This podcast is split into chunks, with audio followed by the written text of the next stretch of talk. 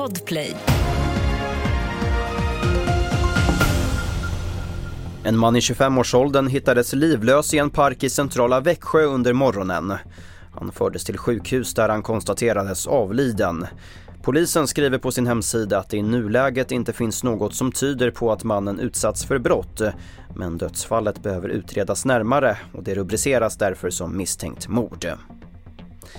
USAs ambassadör i Budapest uppmanar Ungerns premiärminister Viktor Orbán att se till att parlamentet säger ja till Sveriges NATO-ansökan. Men företrädare för det ungerska regeringspartiet och dess koalitionspartner tänker inte ens dyka upp. Mer om det här på tv4.se. Och den amerikanska militären angrep 85 mål i Syrien och Irak igår kväll. Attacken var ett svar på en tidigare attack mot en amerikansk militärförläggning i Jordanien. Nu fördömer terrororganisationen Hamas attacken och jämför det med att hälla olja på elden. Den svenska astronauten Marcus Wandt får stanna kvar i rymden lite längre än planerat.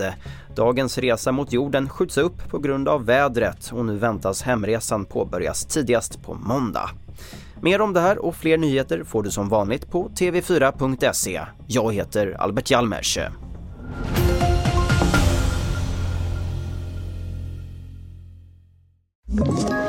Ett poddtips från Podplay.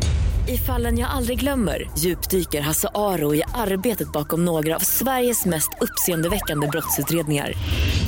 Går vi in med hemlig telefonavlyssning och, och då upplever vi att vi får en total förändring av hans beteende. Vad är det som händer nu? Vem är det som läcker? Och så säger han att jag är kriminell, jag har varit kriminell i hela mitt liv men att mörda ett barn, där går min gräns. Nya säsongen av Fallen jag aldrig glömmer på Podplay.